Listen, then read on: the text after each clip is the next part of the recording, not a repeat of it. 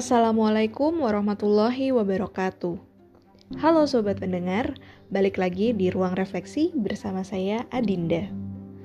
Episode ini adalah episode pertama saya yang seperti judulnya, kita akan membahas masalah atau topik terkait procrastination. Dan buat kamu yang penasaran soal topik ini, dengerin sampai selesai ya. Apakah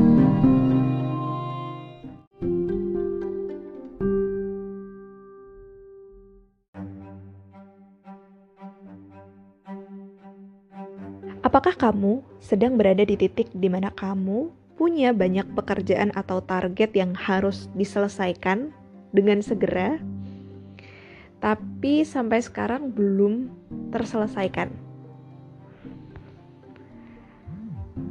Apakah kamu juga sedang berada di titik di mana sebenarnya kamu tahu kalau targetmu ini tuh dikejar deadline, tapi sampai sekarang tuh juga susah banget buat mulai mengerjakannya? Dan kamu justru malah mengerjakan pekerjaan lain yang sebenarnya nggak penting-penting amat untuk saat ini. Padahal kamu juga pengen menyelesaikan targetmu yang tadi. Kalau kamu sedang berada pada titik ini, tenang. Kamu nggak sendiri. Saya juga pernah, bahkan baru saja berada pada titik itu. Tindakan menunda pekerjaan atau tugas yang seharusnya diselesaikan pada waktu tertentu itu disebut sebagai procrastination atau sederhananya adalah menunda-nunda. Menunda ini beda ya dengan malas. Mungkin kapan-kapan kita bakal bahas tentang perbedaan antara malas dan menunda. Setuju nggak sih kamu kalau menunda itu tuh nagih atau adiktif? Jujur aku merasa kalau kadang mengerjakan sesuatu hal di detik-detik terakhir atau in the last minutes itu seperti ada sensasi kepuasan tersendiri gitu. Dan karena kita tuh jadi sering seperti itu dan kadang merasa udahlah ntar juga pasti selesai, tenang aja masih ada waktu. Tanpa sadar kita tuh jadi sering sekali menunda. Padahal sebenarnya mengerjakan tugas atau kerjaan mepet dengan deadline itu tuh nggak sehat baik itu buat diri kita sendiri dan dari pekerjaannya ini pekerjaannya jadi nggak maksimal gitu. Nggak terselesaikan dengan maksimal gitu. Tapi pernah nggak sih kamu bertanya-tanya gitu? Kenapa ya kita tuh suka menunda? Kenapa ya seseorang itu suka procrastinate something? Ternyata hal itu bisa disebabkan oleh beberapa hal loh. Simak baik-baik ya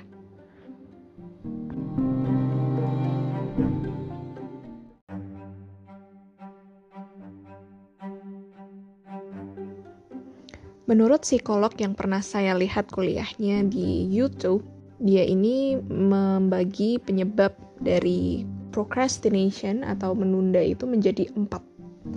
Nah, dari keempat penyebab ini coba ya diidentifikasi kira-kira kamu sedang berada pada titik di mana atau pada poin yang mana nih. Oke, langsung aja. Yang pertama adalah karena kita itu marah atau protes dengan tugas yang harus kita lakukan gitu. Bisa jadi karena tugas ini itu tidak sesuai dengan ekspektasi kita atau tugas ini terlalu sulit sehingga kita cenderung untuk menunda mengerjakan tugas tersebut. Yang kedua, kita menjadi korban. Maksudnya di sini adalah yang seharusnya kita segera melakukan tugas ini kita justru melakukan hal lain yang pada saat itu bisa jadi lebih mendesak atau pada saat itu kita tuh tidak bisa menolak tugas tersebut. Yang ketiga adalah perasaan ragu. Kita tidak yakin dengan diri kita sendiri untuk bisa menyelesaikan tugas ini. Sehingga ada kecenderungan, aduh ntar deh, kayaknya aku belum siap deh untuk mengerjakan tugas ini. Seperti itu.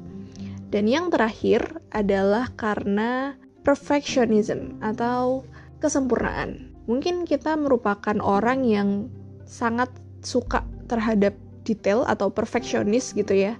Sehingga karena kita terlalu perfeksionis ini tadi, kita terlalu idealis juga, akhirnya kita menunda untuk melakukan tugasnya ini gitu dengan alasan ntar deh kalau misalnya udah ada waktu yang tepat gitu atau nunggu mood gitu. Nah dari empat penyebab itu tadi saya pengen cerita sedikit terkait pengalaman saya pada saat melakukan prokrastinasi. Yang jujur pengalaman ini adalah titik balik saya karena sangat berdampak bagi saya sehingga saya menjadi kapok atau tobat gitu dengan menunda itu sendiri. Saya pengen cerita ketika saya melakukan penelitian saat skripsi S1. Um, pada saat itu saya termasuk orang yang suka sekali tantangan dan kebetulan pada saat itu saya mengambil topik yang sangat asing sebenarnya di kalangan mahasiswa S1 dan metode yang saya gunakan dalam penelitian saya itu juga jarang dilakukan oleh mahasiswa S1 Nah, di situ saya merasa tertantang pada awalnya. Tapi ternyata setelah menjalani prosesnya, oh iya, kok sulit ya? Terus saya mulai marah, saya mulai protes dengan tugas yang harus saya selesaikan ini gitu. Nah, di waktu yang bersamaan, ada kegiatan lain yang juga harus segera diselesaikan yang banyak menguras waktu, tenaga, dan juga pikiran, yaitu KKN atau kuliah kerja nyata. Dan KKN itu dulu waktunya cukup lama ya, sekitar satu setengah bulan dan pada saat itu saya nggak bisa mengerjakan skripsi selama sekitar dua bulan jadi dua bulan saya tidak menyentuh skripsi saya sama sekali.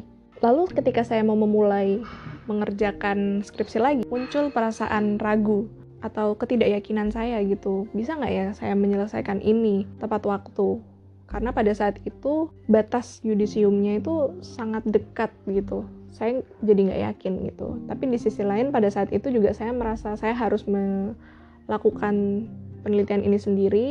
Dalam artian ya saya melakukan tahap-tahapannya itu sendiri yang sebenarnya bisa dilakukan dengan bantuan orang lain gitu setelah menyadari itu dan setelah mengidentifikasi ternyata memang kenapa saya saat itu melakukan prokrastinasi pertama karena saya marah dengan tugas saya yang saya nilai sulit yang kedua, karena saya juga menjadi korban. Yang ketiga, karena saya ragu. Dan yang keempat, karena perfeksionis itu tadi. Nah, dari keempat penyebab ini, saya lalu mencari cara bagaimana cara untuk menghilangkan menunda ini gitu. Dan mungkin di video berikutnya saya akan memberikan tips bagaimana untuk menghilangkan sifat menunda ini. Mungkin itu dulu yang bisa saya bagikan ke teman-teman semua. Mari kita tetap berefleksi bersama ya. Semoga kita bisa belajar dari hari ke hari agar menjadi lebih baik lagi. Terima kasih. Wassalamualaikum warahmatullahi wabarakatuh.